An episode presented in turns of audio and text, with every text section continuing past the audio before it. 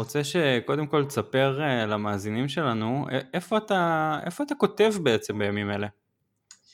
איפה אני כותב? כן, כי כבר אנחנו צריכים לעשות היכרות מחדש, אחרי שלוש שנים שלא דיברנו. יואו, זה נכון. איזה, איזה עצוב זה נשמע. לא, אנחנו דיברנו בשלוש שנים האלה, פשוט לא שידרנו את התוכן הזה. לא הקלטנו את נכסי צאן הברזל שכל שיחה שלנו יוצרת. שלוש שנים של אה, זה הלכו לאיבוד. בכל אופן, אה, אני כותב היום בכמה מקומות. אני כותב בהארץ את הבלוג אלט נוילנד, אה, שמציין את היותה של ישראל ארץ ישנה חדשה עבורי אחרי שלוש שנים בניו יורק וארבע שנים בנכר בכלל. זה, זה בעצם, הבלוג הזה הוא האח הקטן של הבלוג הקודם. נכון, הוא האח הקטן. פרויקט מנהטן. כן. נכון.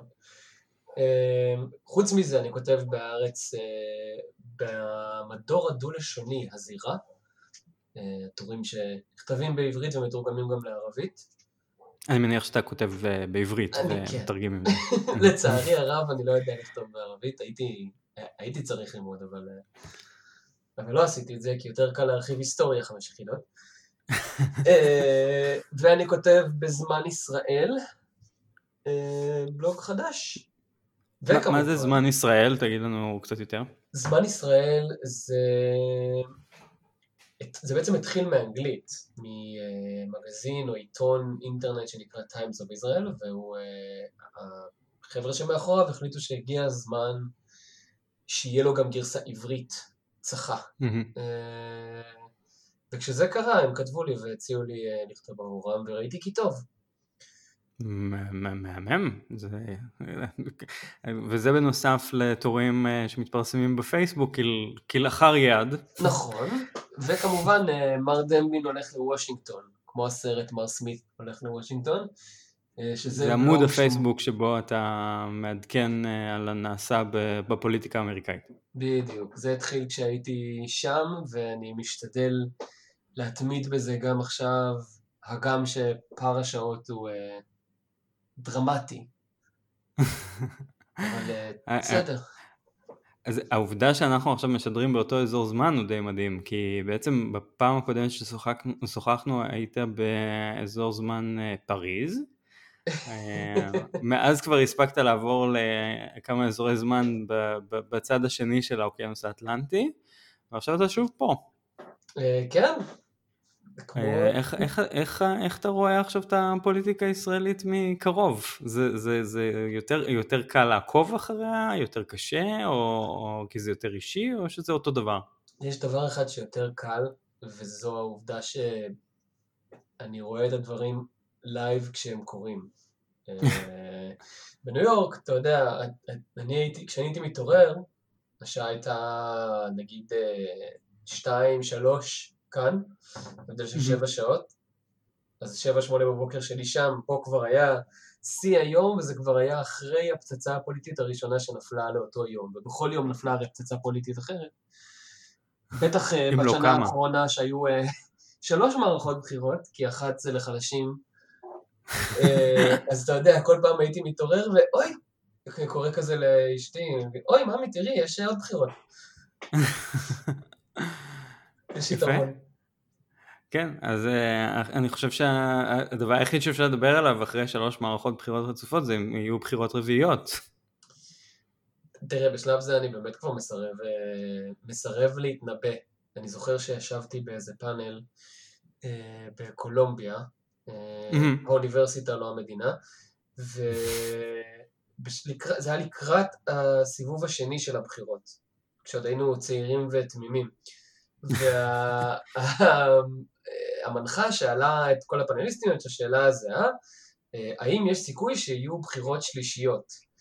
ואני ישבתי שם ואמרתי של... שקשה לי להגיד, אבל אני מעריך שאם התוצאות יהיו דומות, אז יש סיכוי לא רע לבחירות שלישיות. וישב לידי איזה בחור, פרשן אה, של אה, עיתון יהודי כלשהו בניו יורק, ואמר, לא משנה מה, אתם יכולים לצטט אותי, אין שום סיכוי שיהיה סיבוב שלישי של בחירות.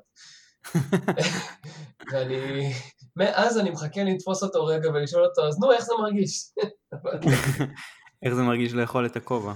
ממש. אמ, אז אתה יודע, אז אה, את הלקח ממנו אני למדתי ואני מסרב להתנבא. אני יכול להגיד שלתחושתי יש לפחות צד אחד שרוצה בחירות מאוד, וצד שני שלא כל כך. מי, מי רוצה בחירות? במצב של משבר בריאותי עולמי ומשבר כלכלי לא פחות חמור, מי, מי בכלל רוצה בחירות עכשיו? מי שמה שמעניין אותו זה לצאת מ... להימלט מאימת הדין. אוקיי, אוקיי.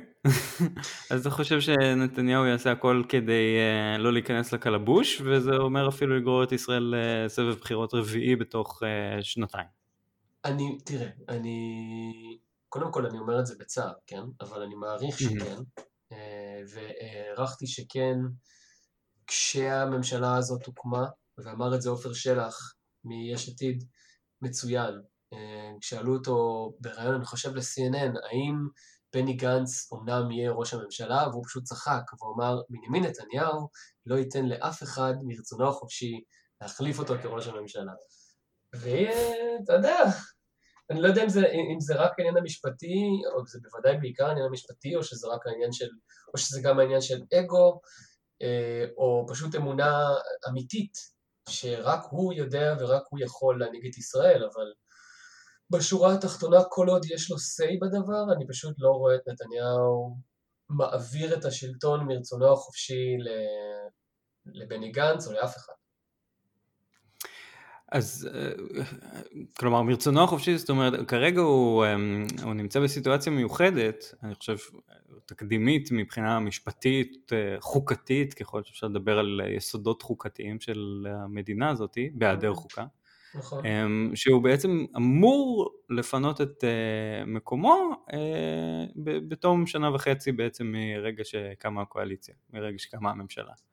והמוצא היחיד שלו מפירוק של הקואליציה אמ, ו, ובעצם מה שקורה ברגע שמתפרקת הקואליציה אז כאילו גנץ מקבל את, ה, את אה, תפקיד ראש הממשלה לממשלת המעבר נכון. אז כאילו המוצא היחיד שלו זה לפני שמאושר תקציב.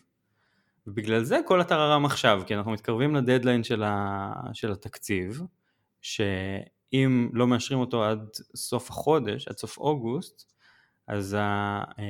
אז בעצם הולכים לבחירות באופן אוטומטי, ונתניהו ימשיך להיות ראש ממשלה. זאת אומרת שעדיף לו המצב הזה, אפילו עם כל הטררם שזה יוצר למדינה,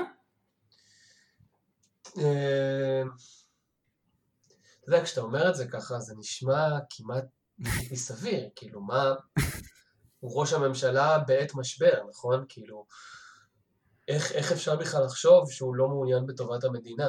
אבל, אבל אמר את זה בני גנץ נכון, ו, ורציתי להגיד, אל תצטט אותי שאמרתי שגנץ אמר משהו נכון, אבל, אבל אני מוקלט, אז זה אבוד לי. אה, אבל הוא אמר נכון, מי שטובת המדינה לנגד עיניו לא מושך לבחירות באמצע משבר בריאותי, כלכלי, אה, אה, כזה רחב, היקף וכזה, ובעל כאלה השלכות. על פניו יש להם קואליציה יציבה, באמת שאין צורך ללכת לבחירות. אפשר להעביר תקציב כמו שהם סיכמו בהסכם הקואליציוני, שיהיה תקציב דו-שנתי, שבלאו הכי הפירוש של דו-שנתי הוא מאוד מרחיב כאן, כי בסוף הוא יהיה תקף לשלושה חודשים משנת 2020 ועוד אה, שנת 2021, שנה ושלושה חודשים. כן. אה, אפשר להעביר תקציב דו-שנתי שהוא כמעט חד-שנתי בתכלס, ולהתקדם, אבל כמו שאמרת, להעביר את התקציב הזה, פירושו של נתניהו אין, אין מה שנקרא תחנת יציאה מההסכם, ואז לא יישאר לו כלים, לא יישארו לו כלים בשביל למנוע מגנץ להפוך לראש הממשלה. כן, כאילו ש... התקציב הופך להיות הצא מהכלא אתה חופשי היחיד שלו. ממש. כרטיס שיש במונופול הצא מהכלא זה, זה, זה היחיד שיש לו, שלא יעבור תקציב. ממש ככה. בעצם הגורל התקציבי של מדינת ישראל נכרך עכשיו בגורל האישי של אה, נתניהו, זה, זה, זה, זה נראה שאלה הם פני הדברים. אבל אני חושב יש עוד כמה אנשים שהיו דווקא מעוניינים באנדרלמוסיה, אה, בבחירות כרגע. אמ, גם גנץ אמר שיש כרגע שני אנשים שאולי מעוניינים בבחירות, שזה נתניהו ולפיד. Mm-hmm. אני חושב שלא מן הנמנע לחשוב שיש גם עוד שחקן פוליטי שכן מעוניין מאוד בבחירות, וזה בנט. בוודאי. אני חושב שהסיבה שה... שגנץ אומר נתניהו ולפיד, היא בעצם אותה סיבה באיזשהו מקום שנתניהו אומר נתניהו ולפיד. או, או לא בדיוק mm. אותה סיבה, אבל היא סיבה פוליטית. זאת אומרת, יש לשניהם אינטרס להתעלם מבנט. כי גנץ mm. רוצה להזכיר לאנשים את הבחירה כביכול שהיא בצד השמאלי של המפה, או סליחה, בצד המרכז-שמאל, שלא לא נגיד רק שמאל חלילה, uh, הבחירה היא בין לפיד לגנץ, וגנץ עדיין רוצה להזכיר לאנשים שכאילו, מה, אתם מעדיפים את לפיד חסר האחריות הזה שסירב להיכנס לממשלה? Uh, או שאתם מעדיפים אותי? בעוד שנתניהו רוצה, גם אני משער שהוא מאמין שלפיד נתפס בציבור כדמות פחות ראויה, מתאימה להיות ראש הממשלה, ולכן אם הוא יבליט את, את זה שהתחרות היא בינו לבינו, קצת כמו עם בוז'י הרצוג, אה, זה טוב לו, זה ישרת אותו. וגם הוא רוצה להתעלם מבנט, כי בנט אה, עולה בסקרים בעיקר על חשבון הליכוד. לא רק, אבל בעיקר על חשבון הליכוד. אמרת שיאיר לפיד בעיני, אה, בעיני נתניהו נוח אה, להציב אותו, להציב אותו מולו, כי הוא כאילו נופל ממנו בכל הפרמטרים. אז במה בנט כן מאיים עליו? באיזה פרמטר? בנט הוא, הוא תופעה. זו לא הפעם הראשונה שאנחנו רואים את בנט אה, משגשג בסקרים, זה לדעתי הפעם השלישית מאז שהוא נכנס לחיים הפוליטיים, שזה 2013, שבסקרים הוא מוציא תוצאות, אתה יודע, בדו ספרתי הנושק ל-20. זה קרה mm-hmm, לפני בחירות 2013, שבאיזשהו שלב הבית היהודי תחתיו, עם כל המשהו חדש מתחיל, אה, ורוח ההייטק שהוא הביא איתו, הוא עמד באיזשהו שלב על 15, אולי 18 אה, מנדטים בסקרים, זה נגמר ב-12 שזה לא היה רע בכלל למפד"ל. אמ, זה קרה אחר כך עוד פעם, אני לא זוכר אם זה היה עמוד ענן או צוק איתן, נדמה לי שהשני, שהרוח בציבור הישראלי הייתה מאוד, כמו בכל פעם שיש עת מלחמה, הייתה מאוד רוח שתנו לצה"ל לכסח, אה, ואין מישהו שטוב כמו נפתלי בנט בלעודד את זה. ועכשיו זה הפעם השלישית, שבנט בעצם מרוויח, ובכל הפעמים האלה מה שמשותף זה שהוא לא היה חלק מהממשלה. אה, mm. או אתה יודע מה, אני, אני נסוג רגע ואומר שבצוק איתן הוא היה חלק מהממשלה, אבל הוא התנהג כאופוזיציונר. זאת אומרת, הוא, אה, אז הוא בידל את עצמו כ"אני שמתי לב, אני הייתי הראשון שזיהה את יום המנהרות, ולכן אני אומר לכסח, יותר מש, משביבי היה מוכן אה, לכסח. ועכשיו הוא אומר, אני לא חלק מהממשלה, ואם הייתי חלק אז הייתי פותר את משבר הקורונה אה, בדרכים הבאות, ואז הוא מציג את הקבינט האזרחי שלו, ועושה סרטונים כאלה קצרים ותכליתיים שמסבירים מה הוא היה עושה אחרת, ונואם נאומים רגשנים, ואתה יודע, בכנסת, שהוא צועק, מה אתם עושים? השתגעתם? זה תופס, הוא, הוא טוב כן. בזה. העניין של מה אתם השתגעתם, מה אני צריך לעשות, הוא, הוא ממש עשה את זה יפה. אני חשבתי שזה גם אמ, יכולות משחק מאוד יפות. מה אני צריך לעשות? אני כאן המבוגר, רק היה חסר שהוא יגיד, אני כאן המבוגר האחראי, שואל אתכם מה אני, האבא של כולם, צריך לעשות. אבל גם, אתה יודע, הוא קצת אה, הקשיב לך. בזמנו, אני לא יודע אם אתה זוכר, דיברנו על הסיפור של ממשלת צללים, שזה נוהג mm. מאוד אה, אופייני בפוליטיקה הבריטית. כן. אה, שהאופוזיציה בעצם מציבה תמונת מראה לממשלה המכהנת כדי להראות מה היא תעשה אחרת. הוא אומר, הנה, זה, זה כל מה שאני עושה אחרת. אגב, גם לפיד uh, מנסה לעשות את זה, אם כי אולי רק באינסטגרם. לפיד יש... Uh, לפיד קצת פחות טוב מזה, uh, בזה מבנט, מצד אחד, מצד שני הקהל שלו הרבה יותר אוטומטי. Mm-hmm. אני חושב שפשוט התוכניות שלו, של לפיד, הן פחות טובות. הוא, הוא בוחר כלי מדיניות פחות טובים, כאילו, אני לא יודע למה, אבל נגיד, אה, בזמנו היה לו את הסיפור של, של אה, מע"מ אפס, כשהוא היה במשרד האוצר. כן. למה, למה? מכל הדברים שהיית יכול להציע, כאילו, ש, שהם, אתה יודע, שלא צריך להילחם איתם, אה, שלא צריך להילחם עליהם מול כל השדרה המקצועית. בוא, בוא תבחר משהו שגם מישהו יסכים איתך, ככה רעיון. תשמע, גם פופוליזם צריך לדעת איך לעשות נכון. בדיוק, אז בנט יודע גם, אה, גם להגיד, הנה זה 1, 2, 3 אני אעשה, וזה, וזה גם הגיוני בעיני רוב האנשים. נכון, ותשמע, אתה יודע, אפילו ב, ב, בארוחות שישי, שזה המקום הטוב ביותר לאמוד את אה, דעת הקהל.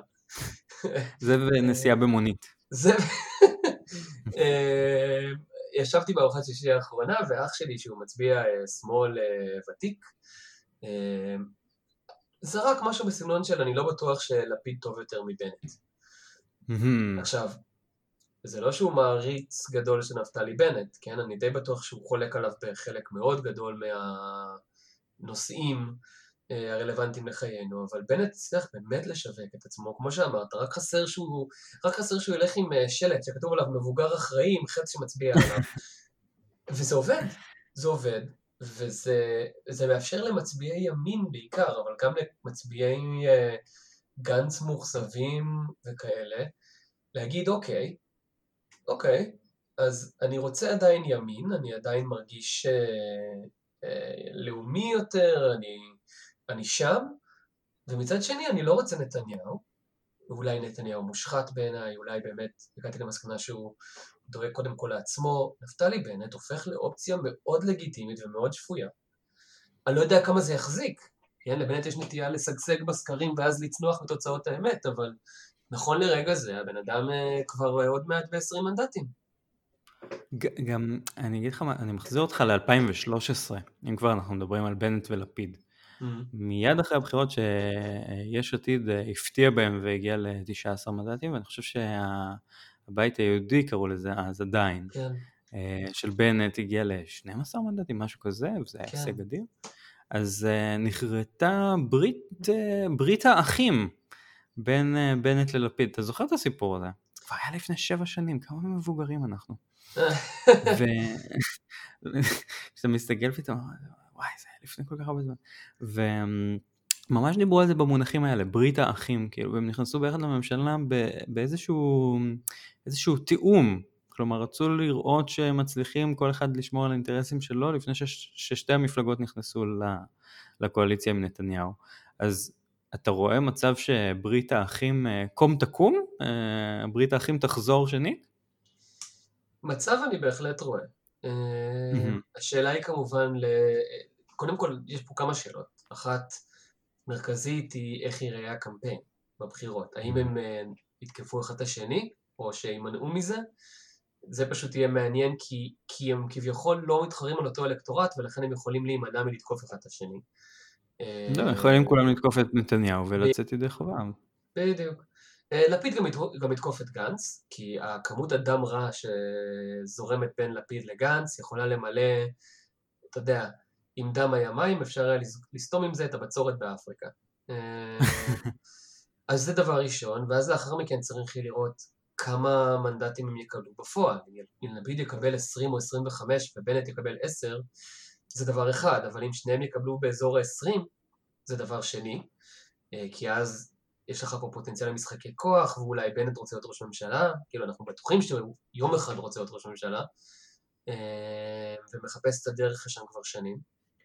Mm-hmm. אבל יש בהחלט אה, סיטואציה שבה הם מקבלים מספר מנדטים כזה שמצד אחד הוא גדול דיו כדי להקנות להם כוח אם הם, אם הם הולכים ביחד יד ביד, ומצד שני מעלה את השאלה האם הוא גדול דיו בשביל להקים ממשלה על בסיס הדבר הזה, או להיות מתואמים בכניסה לממשלה אחרת. כי, כי כרגע הבחירות, אם יהיו, מאוד מזכירות את 2013 באיזשהו מקום. יש רק מפלגה גדולה אחת של 30 מנדטים בערך, ועוד הרבה מפלגות בינוניות שהן בין 10 ל-20. ספרתי כן, מה, זה... ארבע כאלה בסקר האחרון? כן. זה, זה באמת, אמ, אני חושב שהשלושה סבבים האחרונים של הבחירות באמת שברו איזושהי אמ, אמ, מסורת שהייתה בפוליטיקה הישראלית עד אותו רגע של אה, שברירי מפלגות. בעצם אה, המפלגות הגדולות מאוד איבדו מכוחן כאילו הכנסת התפצלה להרבה מאוד סיעות, נגיד מ-2006 עד 2013. כאילו המפלגה הכי גדולה בבית לא החזיקה רבע מהבית אפילו. נכון. ו, ובבחירות האחרונות כאילו חזרנו למצב ששתי מפלגות, אמנם משני הקצוות, יכולות כאילו להקים קואליציה לבד בלי אף מפלגה אחרת. עכשיו יכול להיות שאנחנו חוזרים להתפרקות הזאת של המפלגות הגדולות, שהליכוד צונח, גנץ צונח, העבודה כבר לא קיימת כמפלגת שלטון. כן. אמ, תכף נגיד עליה קדיש, אבל, אבל מה שלדעתי יהיה מעניין בהקשר של בנט ולפיד, באמת אם הם מגיעים, אם הם שניהם מגיעים לאיזושהי, אמ, אני, אני אשאל אותך את זה אחרת, כלומר, קודם שאלתי למה ש... אולי למה שתקום ברית האחים, אבל בעצם אפשר לשאול את השאלה ההפוכה, למה שלא תקום ברית האחים? על מה הם כבר חלוקים? מבחינה כלכלית הם די באותו ראש, שזה איזשהו קפיטליזם עם קצת יותר אה, נחמדות לחלשים. אמ, מבחינה מדינית, לפיד אה, לא חושב שצריך אה, אתה יודע, לעשות יותר מדי חוץ מלדבר עם הפלסטינים מדי פעם. כן, אמ, ירושלים היא רעיון, ורעיון לא מחלקים. זהו, מאוד, אה, אתה יודע, מדבר אה, ככה בצורה ארטילאית מספיק כדי שיהיה אפשר להבין ששום דבר לא יוצא מזה. ובנט גם אה, ישמח שלא יוצא מזה שום דבר. ומבחינת, נגיד, היחס לדתיים, כאילו לחרדים, לפיד אפשר לומר שקצת התרכך, אבל אנחנו יודעים מה, מה התפיסה שלו, מאיזה בית הוא בא. ומבחינת הבית היהודי, להוציא את, ה, את החרד"לים ואת החרדים מעוזי הכוח שלהם, יאללה, מחר בבוקר חותמים על זה. אז בעצם, למה שזה לא יקרה? הדבר היחיד שעומד בדרך זה אם ינסו לתקוע ביניהם עוד איזשהו טריז, שאחד יוכל להיכנס לממשלה והשני לא, אבל בהינתן שהם יהיו מתואמים כמו שהם היו ב-2013, בום, אפשר, אפשר, אפשר להגיד ששניהם יצאו מרוצים מאוד מהאיחוד כוחות הזה. תראה, אני מסכים ברמת העיקרון, אבל השאלה היא באמת שוב, לאן זה אמור לקחת אותם. כי ב-2013 זה היה ברור שפניהם לממשלה. בנט היה ימינה מהליכוד. ימינה מהממשלה בראשות נתניהו. ב, נכון, בראשות נתניהו. וזה זה בעצם הדגש ששכחתי באלגנטיות אה, לציין. אה, אז זה היה ברור שנתניהו מרכיב את הממשלה, לפיד אמר כל הקמפיין שהמפלגה הגדולה צריכה להרכיב את הממשלה, והמליץ על נתניהו, כמו שהוא אמר שהוא יעשה, כשהנימוק היה כל הזמן, שוב, זו המפלגה הגדולה, משילות. זאת אומרת, זה לא היה עניין של אני אידיאולוגית מסכים עם נתניהו, למרות לא בטוח שהם כאלה רחוקים במשנתם, אה, מינוס שחיתויות וכולי. אה, ולכן אז היה נורא פשוט, זאת אומרת לפיד ובנט חוברים ביחד כדי אה, לשפר עמדות לקראת כניסה לממשלה. ועכשיו מה? זאת אומרת, האם הם, אני לא רואה את לפיד יושב בממשלה תחת נתניהו, זה קודם כל, ובנט הוא סימן השאלה הגדול, האם בנט יחצה את הרוביקון ויגיד אני לא הולך עם נתניהו, אני לא ממליץ עליו, אפילו, אפילו אני לא ממליץ על מישהו אחר, אני פשוט לא ממליץ לצורך העניין. אף אחד לנשיא. אה, או אפילו מעבר לזה, אתה יודע, אני ממליץ על יאיר לפיד, במידה ולפיד באמת יהיה כלי הברקים של המנדטים של המרכז-שמאל. אה, תפקיד שהוא משחק כרגע יפה בסקרים.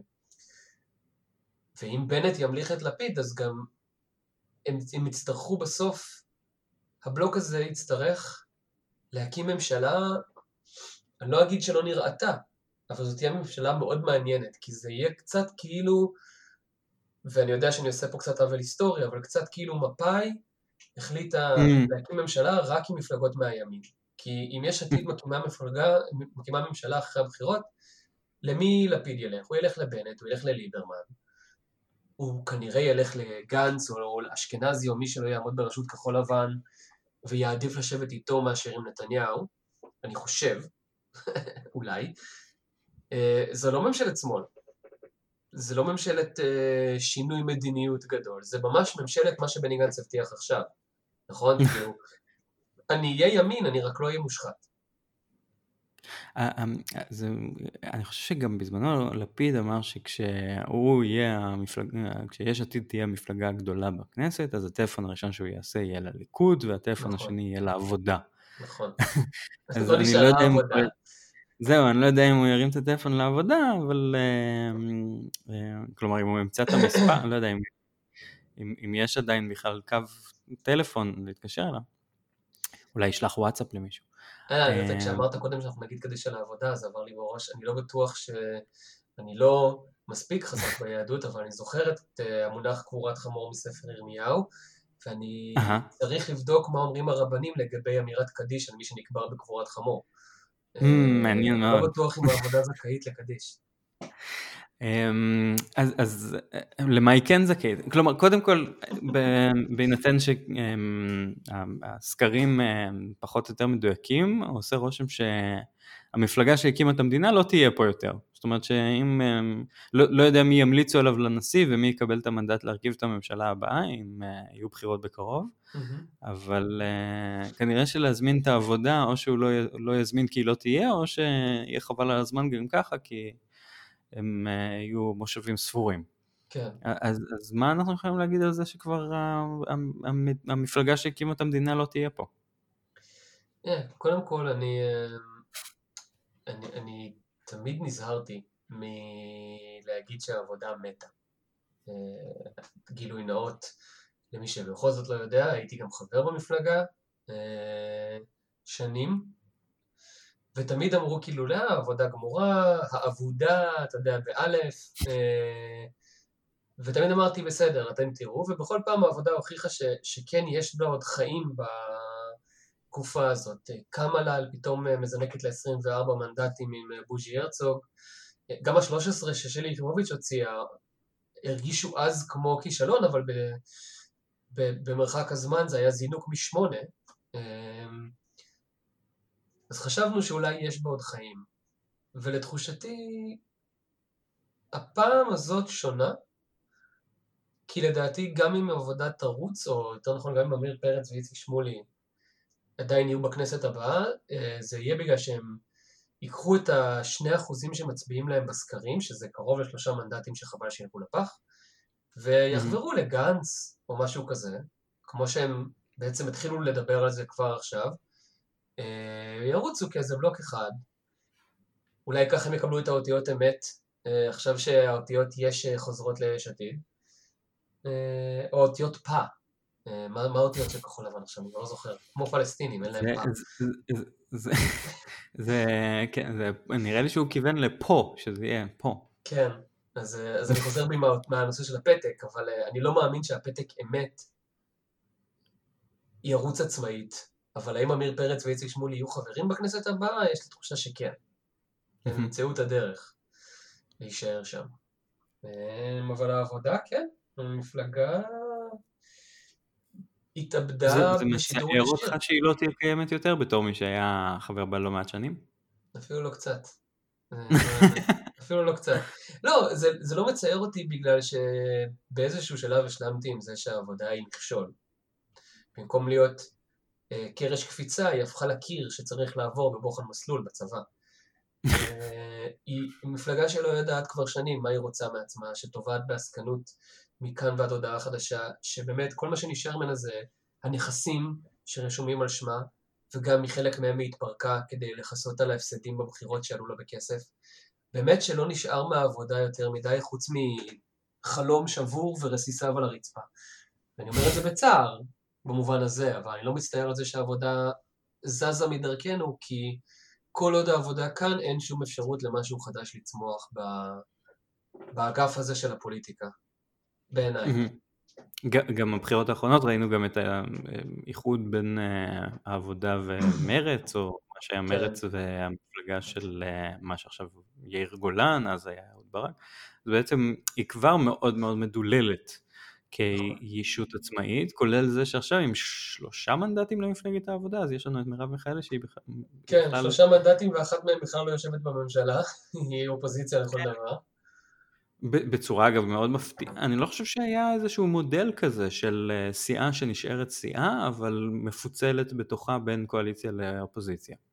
כן, אני חושב שהדבר אה. היחיד שנשאר משותף לפרץ, שמולי ומיכאלי זה האמונה שהמותג העבודה שווה משהו. Mm. אחרת מיכאלי הייתה כבר פורשת.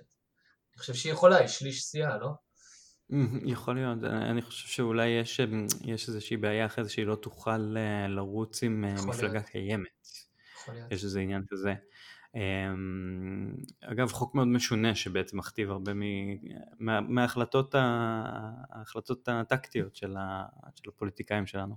אבל בעצם הם, הם חושבים שעוד יש איזשהו, אמ, איזשהו מוניטין לשם הזה העבודה, אתה כבר לא חושב ככה, אבל מה הם חושבים? מה, מה עוד נשאר להם לדבוק במותג הזה באמת?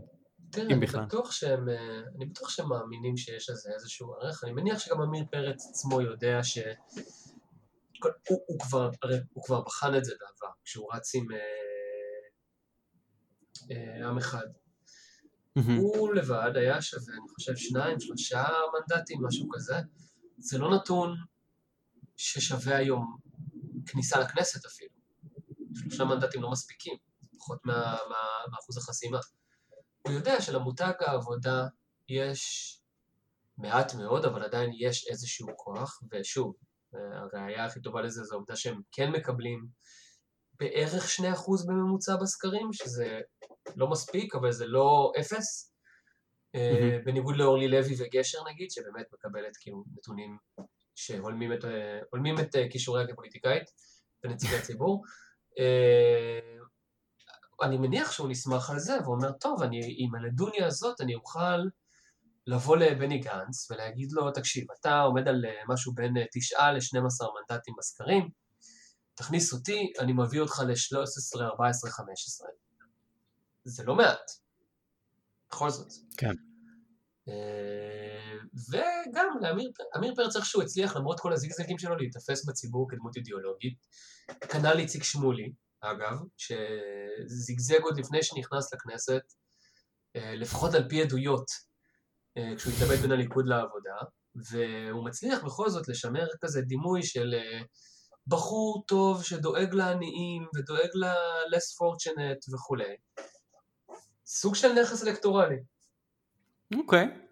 אז, אה, אז אולי יש עוד משהו ב, ב, באנשים שנמצאים שם, אז אולי זה עוד ככה משאיר את המותג מחובר למכונת הנשמה וכזה מוניטור של הלב שעוד עושה ככה את הביפים האחרונים שלו. אבל, אבל ברגע שהמוניטור הזה יתיישר, מה, מה יצמח? אם, אם, אם זה מה שיקרה, כלומר שהעבודה ת, ת, תתנדף ויהיה סוף סוף אה, מקום למפלגת שמאל חדשה אידיאולוגית לצמוח, מה, מה, מה יהיה שם? מה, מה יישב לתוך הוואקום? זו שאלה מעולה. אמ, תודה רבה, בשביל זה אני פה. אה, כי אני, אני אגיד לך למה זו שאלה מעולה בעיניי, כי כשהסתכלתי, אנחנו מדברים היום הרבה על בחירות 2013, ובאמת, לפני כמה ימים הסתכלתי על תוצאות הבחירות האלה, כי הרגשתי, ראיתי איזה סקר, סקר של מעריב, אה, מלפני לדעתי יומיים, שנתן לליכוד 31, ללפיד 19, אה, לגנץ אני חושב 10 או משהו כזה, ואמרתי בואנה התוצאות האלה נשמעות לי נורא מוכרות. והלכתי אחורה ואמרתי וואלה, בחירות 2013, הליכוד קיבל 31, הליכוד ביתנו צריך להגיד. אה, זה היה נחשב כאילו מפלה, אמ, ששתי המפלגות האלה היו שוות קודם בערך אותו דבר. נכון, גם היום אגב הן שוות, שוות בסקרים אה, הליכוד וישראל ביתנו, גם שהיום הן אה, מופרדות לחלוטין, הן שוות כמעט 40 מנדטים כן. ביחד. אמ, אבל הסתכלתי על התוצאות ואמרתי, אתה יודע מה ההבדל הכי גדול? שב-2013 מרץ קיבלה שישה מנדטים, היום היא מקבלת שישה עד שמונה בסקרים, אז די דומה. לבני והתנועה קיבלו שישה מנדטים. קדימה של שאול מופז קיבל שניים, קיבלו שניים, והעבודה, שהייתה שמאלה מלפיד, קיבלה 13. וניתן להגיד אפילו בדיעבד שלבני ומופז גם כן היו שמאלה מלפיד, לפחות בהשקפותיהם המדיניות. אז יש לך שם איזשהו בלוק מצד שמאל, שפשוט נעלם, נמחק. היום המפלגה השנייה בגוש המרכז-שמאל היא כחול לבן, שמקבלת עשרה, אולי 12 מנדטים ביום טוב. אין לך קדימה, אין לך תנועה, בוודאי שאין לך עבודה כישות עצמאית ששווה משהו. אז הגוש כגוש נשאר בגודל די דומה ואפילו קטן אה, מאז, ואין, אין אלטרנטיבה, אין במרחב שבין יאיר לפיד למרץ כלום. Mm-hmm. וזה בעיניי, זה ואקום.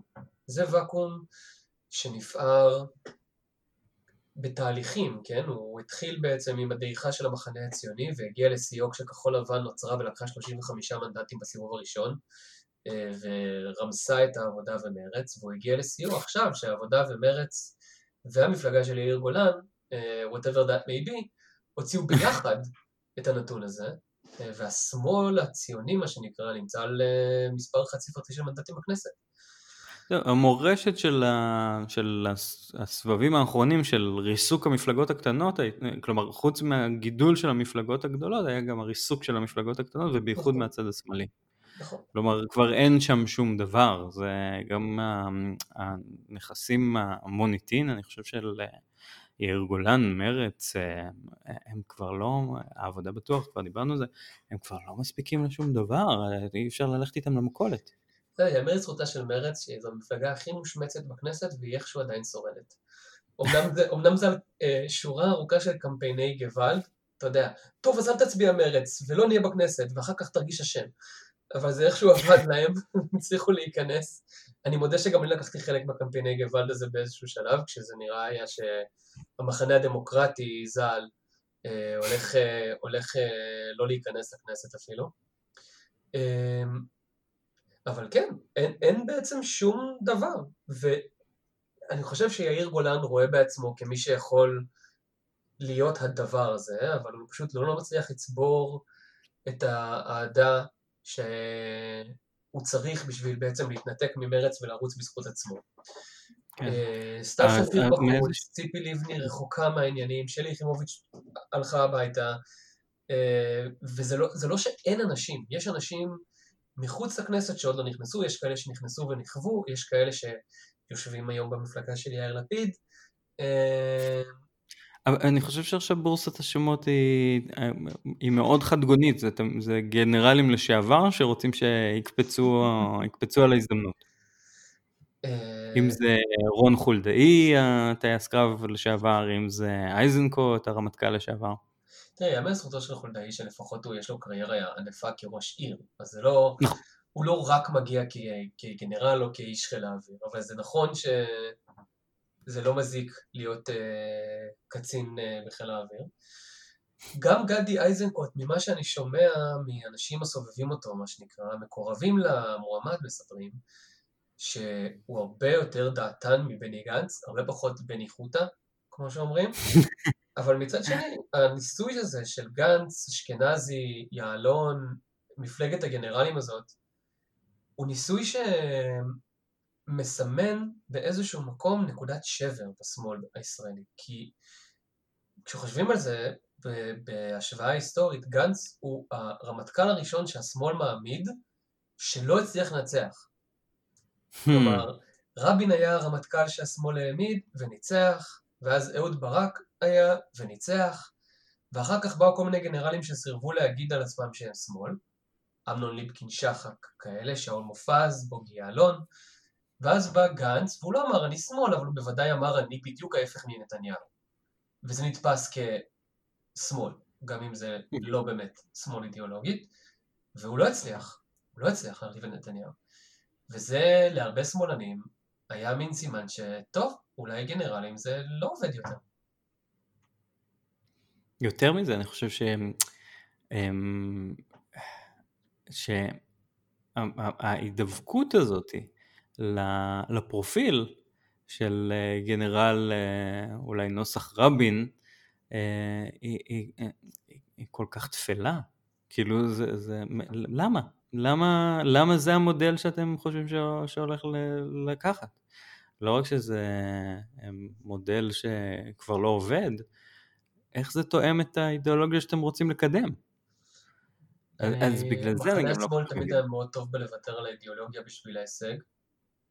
ואני לא אומר את זה בזלזול, זה בסך הכל נבון פוליטית על פניו, כן? זאת אומרת, אתה מעדיף לבחור את הבן אדם שינצח, מאשר להיות צודק ולשבת באופוזיציה. אני מבין את זה. אני, אני חושב שזה נכון ביחס למפלגות, אבל זה לא נכון ביחס לבוחרים. כלומר, זה נכון, אני חושב שהמפלגות, הפוליטיקאים של השמאל, מוכנים ללכת לוויתורים הכי גדולים, אה, ובגלל זה ראינו הרבה מאוד איחודים שהיו כמעט בלתי הגיוניים במחנה mm-hmm. השמאל. אוקיי, מרץ ועבודה שבאמת הרבה זמן בקושי הצליחו להדביק אותם, למרות הקרבה האידיאולוגית, אי אפשר עד שבעצם זה קרה, ואז גם הצטרפו לתוך זה גשר, זה היה כאילו לא... וכל המישמש שעשו ביש עתיד וכחול לבן, בעצם כל, כל הוויתורים האידיאולוגיים האלה שיצרו את המפלגות בצד השמאלי של המפה הפוליטית, אבל הציבור של הבוחרים אמר, סליחה, רגע, אני לא מבין מה זה הדבר הזה, ונשאר בבית. חלק, חלק לא, לא גדול, אבל מספיק גדול כדי לא להעביר אותך מעל לרף שאתה צריך לניצחון, נשאר בבית. בעיקר כשהצד השני אה, הוציא את מצביעיו, dare I say, באוטובוסים לקלפיות. אה, כאילו הימין עשה את זה מדהים במבחירות האחרונות, הוא הצליח, באמת, נתניהו אמר כל הזמן שיש 200 אלף מצביעים של הליכוד שנשארו בבית במועד ב' ואנחנו אמרנו לא, אין באמת 200 אלף כאלה ואז הגיעו בערך 200 אלף מצביעים שהצביעו ליכוד ולא הצביעו לליכוד לפני כן. אני לא בטוח אם אלה בהכרח מצביעים שנשארו בבית בפעם הקודמת, אבל, אה, אבל בכל זאת מדובר בחתיכת הישג. ובשמאל אני חושב שזה, לכל הפחות זה חלקית נכון גם לגבי הבוחרים, כי בסוף הבוחרים בשמאל כבר שנים אגב, ורואים את זה בסקרים בכל פעם שמפלגת שמאל כלשהי מתפרקת מנכסיה, אה, זה קרה עם אה, קדימה שהייתה שמאל מרכז, זה קרה עם העבודה, עם המחנה הציוני, המפלגות האלה בעצם, אתה רואה שם נדידה של עשרה, לפעמים עשרים מנדטים, בתוך הגוש, פשוט למפלגה אחרת שנתפסת כבעלת סיכוי טוב יותר. והשיא של זה היה לדעתי לפני הבחירות הראשונות, לפני שגנץ נכנס לפוליטיקה בעצם, היה איזה רגע שבו אבי גבאי נבחר לראשות העבודה, וקצת, וקצת לפני שגבאי נבחר לראשות העבודה, העבודה עמדה כבר על 12 מנדטים בסקרים תחת בוז'י הרצוג, בזמן שיש עתיד עלתה לאזור ה-24, שזה היה ממש החלפות, כי בבחירות לפני כן זה היה 24 למחנה הציוני ו-11 ליש עתיד, הם עשו ממש החלפות אה, בכמות המנדטים, כי לפיד נתפס כהאופציה, או כפי שאמרו עליו רבים ובצדק, המקום שבו חונים המנדטים, חניה זמנית, עד שימצא להם מנהיג, ואז אבי גבאי עלה, ולרגע העבודה השתוותה ליש עתיד, ואז בני גנץ עלה, והמנדטים התנקזו מ... מפניה של העבודה, והשאירו אותה חיוורת, ועברו לגנץ, כי גנץ נתפס כ... אני לא רוצה להגיד מפאי, אבל בוודאי כמי שיכול לנצח. מה שאבי גבאי, לצערו, מעולם לא נתפס אה, כמי שיכול לנצח. וכמובן אה, זה מה שהוציא קצת את השיח העדתי, מה... את השד העדתי מהבקבוק שלו. טוב, השד העדתי, אתה יודע, מפלגת העבודה זה... האמת היא שזה קצת עצוב. מפלגת העבודה העמידה שני מבאס, כי עם כל הכבוד לעיניים הכחולות של, אה, של גנץ, אה, כן, זה, זה, זה, זה מדבר למצביעי, אה, נקרא לזה, השמאל, הרבה יותר מאשר מרוקאי עם עשרה אחים. זה בוודאי, אפילו שהוא הגיע להיות מנכ"ל נכון. בזה. תראה, זה בוודאי נכון, למרות שעמיר פרץ כבר הביא בראשות העבודה 19 מנדטים לפני לא כזה המון זמן. אבל אתה יודע, okay. אוקיי. העבודה, זה קצת עצוב במובן הזה, כי הם באמת ניסו הכל. בסוף, שני יושבי הראש האחרונים של מפלגת העבודה הם מזרחים, אבי גבאי ואמיר פרץ, וכנראה שלא יהיה יושב ראש אחרי אמיר פרץ. אה, כאמור, קבורת חמור וכל זה. ואתה אומר, רגע, אבל הם ניסו, הם שמו מזרחי, הם שמו זה, והם עדיין המפלגה האשכנזית השבעה, בזמן שבראשות הליכוד עומד בנימין נתניהו, שהוא יותר אמריקאי משהוא מזרחי. לא, משהו, המשפחה שלו ספרדית במקום. כן, הם ספרדים כמו שאני ספרדי במקום. אה, ילד טוב רחביה, או ילד טוב אה, בוסטון, תלוי את מי אתה שואל. ובסוף ביבי מביא את המנדטים ברובם מהמקומות שרוב האוכלוסייה בהם היא לא אשכנזית. כן. בהחלט. אז אני, אני אגיד על העניין הזה גם שאני אני חושב שזה באמת מראה משהו על, ה, על, ה, על הכשירות הפוליטית של נתניהו. כי להיות אה, מזרחי ולהגיד הנה אני מזרחי תצביעו לי כי אני מזרחי ו, אה, ו, ו, ולהשיג את הקולות ככה זה קל זה obvious אבל להיות אשכנזי מרחביה לנסוע לבוסטון ללמוד ב-MIT אדריכלות ואחרי זה לחזור לפה ולהגיד חבר'ה אני הנציג האותנטי שלכם ולקבל את הקולות משם זה פוליטיקאי זה מעיד על הכשירות שלו אולי יותר מכל דבר אחר. להשיג את הקולות דווקא לא מהמקומות שהם לא obvious. זה מצחיק, כי גם מנחם בגין לא היה מזרחי, נכון. אבל, אה, אבל הוא הצליח להתחבר אליהם. הוא עשה את זה מדהים. יהודים, כן. פסיק, אחים, סימן קריאה. אה, אגב, זה לא, זה לא תופעה ישראלית בלבד, כן? כלומר, אה, גם מעבר לים, אה, בארצות הברית ממנה שבתי. כן, אמרנו שנדבר גם על המרוץ לנשיאות, כן. נכון, יש, יש שם מועמד שבמידה רבה עושה דבר דומה, לא בגלל, לא במובן הדתי, ולא במובן שהוא מנגן על השד הדתי הזה, אה, כי שם, דווקא שם הקואליציה של השמאל מורכבת מהמיעוטים השונים במדינה. אבל כן, לפחות בהקשר הסוציו-אקונומי, דונלד טראמפ לא מדבר אל ה... הוא מדבר אל העשירים במיוחד, שמקבלים ממנו הנחות מס, אבל זה באמת ה-0.1%, והוא מדבר אל.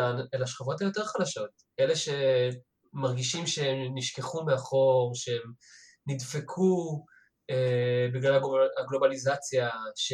שהתעשייה שלהם, הם מפחדים שהיא תהפוך ללא רלוונטית, בעיקר אנשים כמו קוראי הפחם וכולי, כשמדברים על אנרגיה מתחדשת וירוקה, וטראמפ הצליח להתחבר אצלם גם לרגש הזה וגם לאיזשהו רגש הרבה יותר בסיסי של כאילו,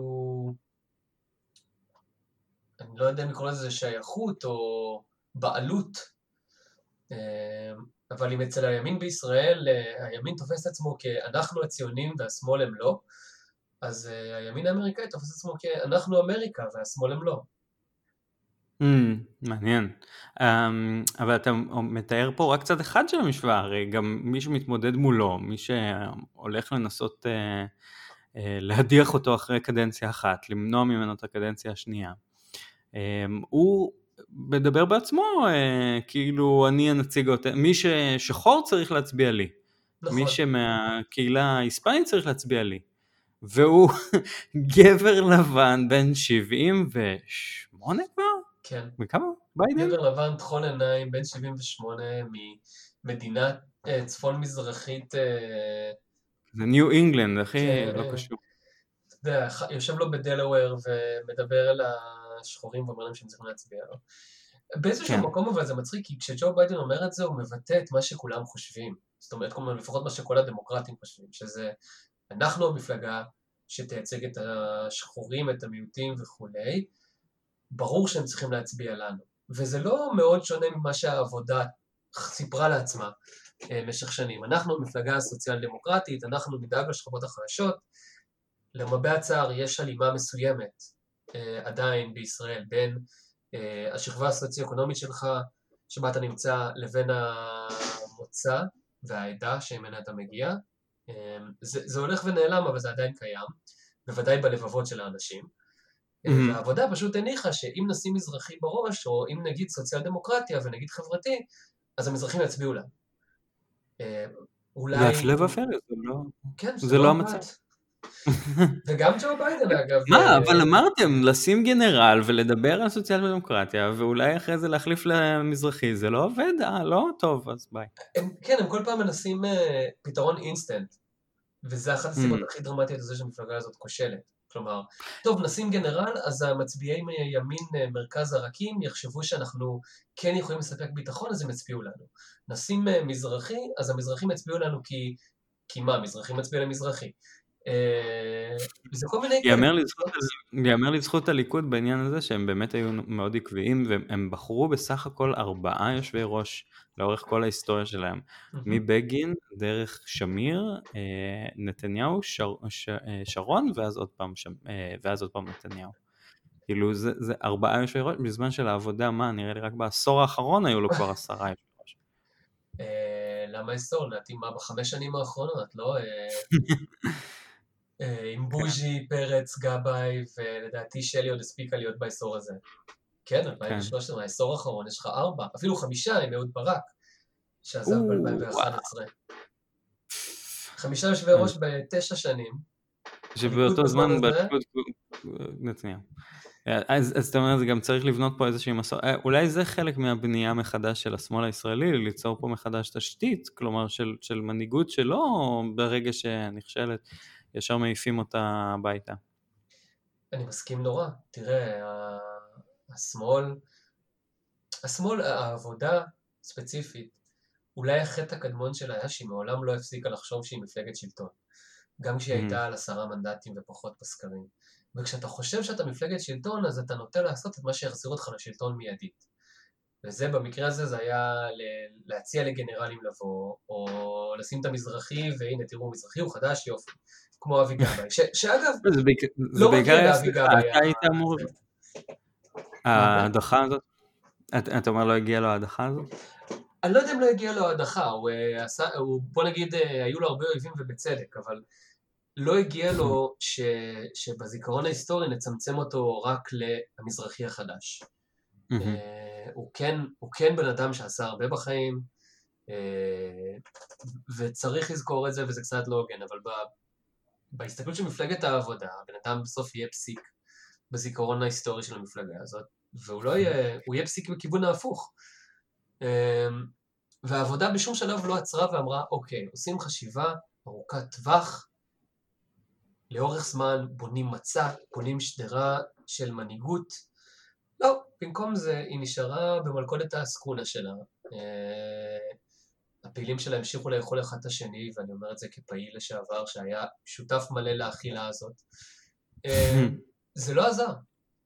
זה לא זה נכון גם מה שאתה אומר, כי אה, ברגע שאתה חושב שאתה מפלגת שלטון והמנהיג לא מצליח לכבוש את הכס, אז זה סימן שצריך לערוף את ראשו.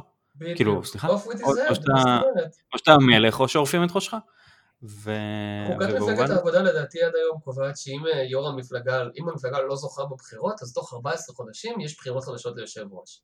שזה נחמד כשאתה אשכרה מתמודד על, על ראשות הממשלה, אבל העבודה לא מתמודדת על ראשות הממשלה מאז 1999. Mm. אז, אה, אה, אז, אז אז מה שאני חושב שהיה יכול להיות, כאילו, אם אני מדמיין את הבנייה מחדש של המחנה השמאלי בישראל, זה ללא ספק איזשהו טווח יותר ארוך. אה, אגב, גם בעניין הזה אני חושב שגבאי אמ, הכשיל את עצמו. כי הוא אמר, טוב, אז אני אכבוש את המפלגה, אני אביא את הפעילים שלי, אני אה, אפקוד את כולם, יצביעו לי, ו... ואז אני אהיה יו"ר המפלגה, ו... ו... וזהו, ו... ואז אני אצליח.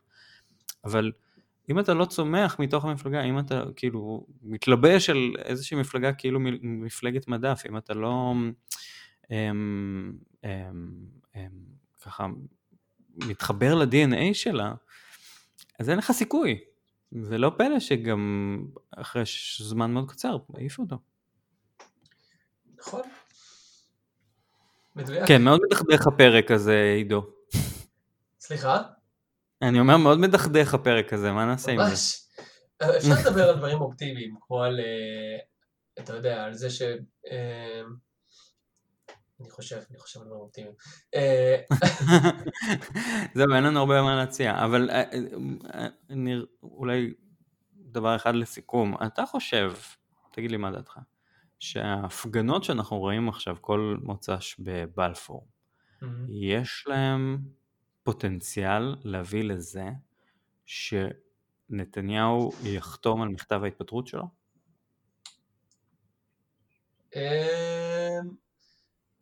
המשפט הזה היה נכון עד החצי. להפגנות האלה יש פוטנציאל. אמ, במובן ש... ואני יודע שיש מי שיחלוק עליי כאן, אבל במובן שאם הן תתורגמנה לכוח פוליטי, ובדגש על כוח פוליטי שיש לו מטרה ברורה שאינה רק לא ביבי, אה, אלא שיש לה תשתית אידיאולוגית ופעילים מסורים שכבר עכשיו קיימים אה, והם פשוט מפחדים לעשות את הצעד הזה, אז כן, המחאה הזאת יכולה להפוך למשהו. בעיניי מחאה שלא מתורגמת לכוח פוליטי, יהיה לה קשה מאוד להשיג אה, הישגים. אמרו לי, הנה תראה ארבע אמהות, אמרתי כן, אבל ארבע אמהות הפכה רלוונטית רק בגלל שהיה חילופי שלטון. והנה תראה הפנתרים mm. השחורים, ונכון, הם הצליחו, אבל לקח להם המון זמן, וזה היה, וזה היה כרוך בין היתר במהפך שלטוני. אמ, ומאידך מחאת הדיור לא התרגמה למהפך שלטוני, היא, היו שם, כי היו שם רק שני אנשים שהבינו ש, שבדמוקרטיה פרלמנטרית הכנסת היא עדיין המקום שבו משנים. זה היה סתיו שפיר ואיציק שמולי, שלצערי הלכו לדרכים מאוד שונות, והיום העדיפה מביניהם לא בכנסת, והפוליטיקאי הטוב יותר מביניהם, דיברנו עליו מספיק. אמ, אז יש, יש למחאה פוטנציאל, אבל היא צריכה כיוון.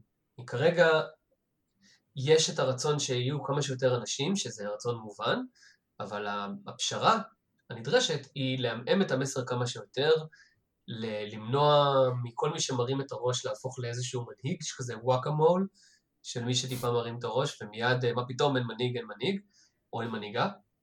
וזה יוצר מצב שהמחאה היא מחאה לשם מחאה, וזה לא מחליף שלטון. אה, החלק השני של המשפט היה לא נכון בעיניי, בגלל שביבי נתניהו לא יחתום על מכתב התפטרות בלי אקדח לראש, וגם אז לא, וחס וחלילה אני לא אומר שצריך לשים לו אקדח לראש. אה, שלטון צריך להחליף בקלפי, למרות שבישראל אין מסורת נאמנה של זה, אבל בנימין נתניהו לא יחתום על מכתב התפטרות. זה לא יקרה. אוקיי. אוקיי. אז החבר'ה שם אה, בבלפור הם, הם, הם, הם אולי מניפים את השלטים הלא נכונים אם זה המטרה, אבל כן, כן יש להם פוטנציאל ליצור משהו אחר. תשמע, המחאה הזאת היא מדהימה. אבל... כן, אני אראה אותך מפגין ככה בבלפור? בוודאי. כן? רק ש... אני לא, אני, אני לא כל כך חובב של הז'אנר, של ההפגנות. למה לא? לא, זה חם ולח מדי. אני, אני לא... איזה לא, מוגני, תומר. אני מאוד, אה, זה, אני מאוד אה, אוהב להיות בבית. אני נשאר פה. אריק איינשטיין היה גאה. זהו, אני, אני, יש לי, אה, אתה, אני, אני יכול להתעלות באילנות גבוהים ככה.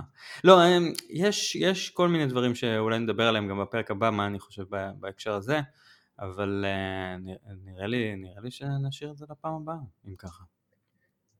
בסדר, אז השארנו בכל זאת איזשהו ניחוח אופטימי, אתה רואה? טוב מאוד, שיהיה למה להאזין. כן.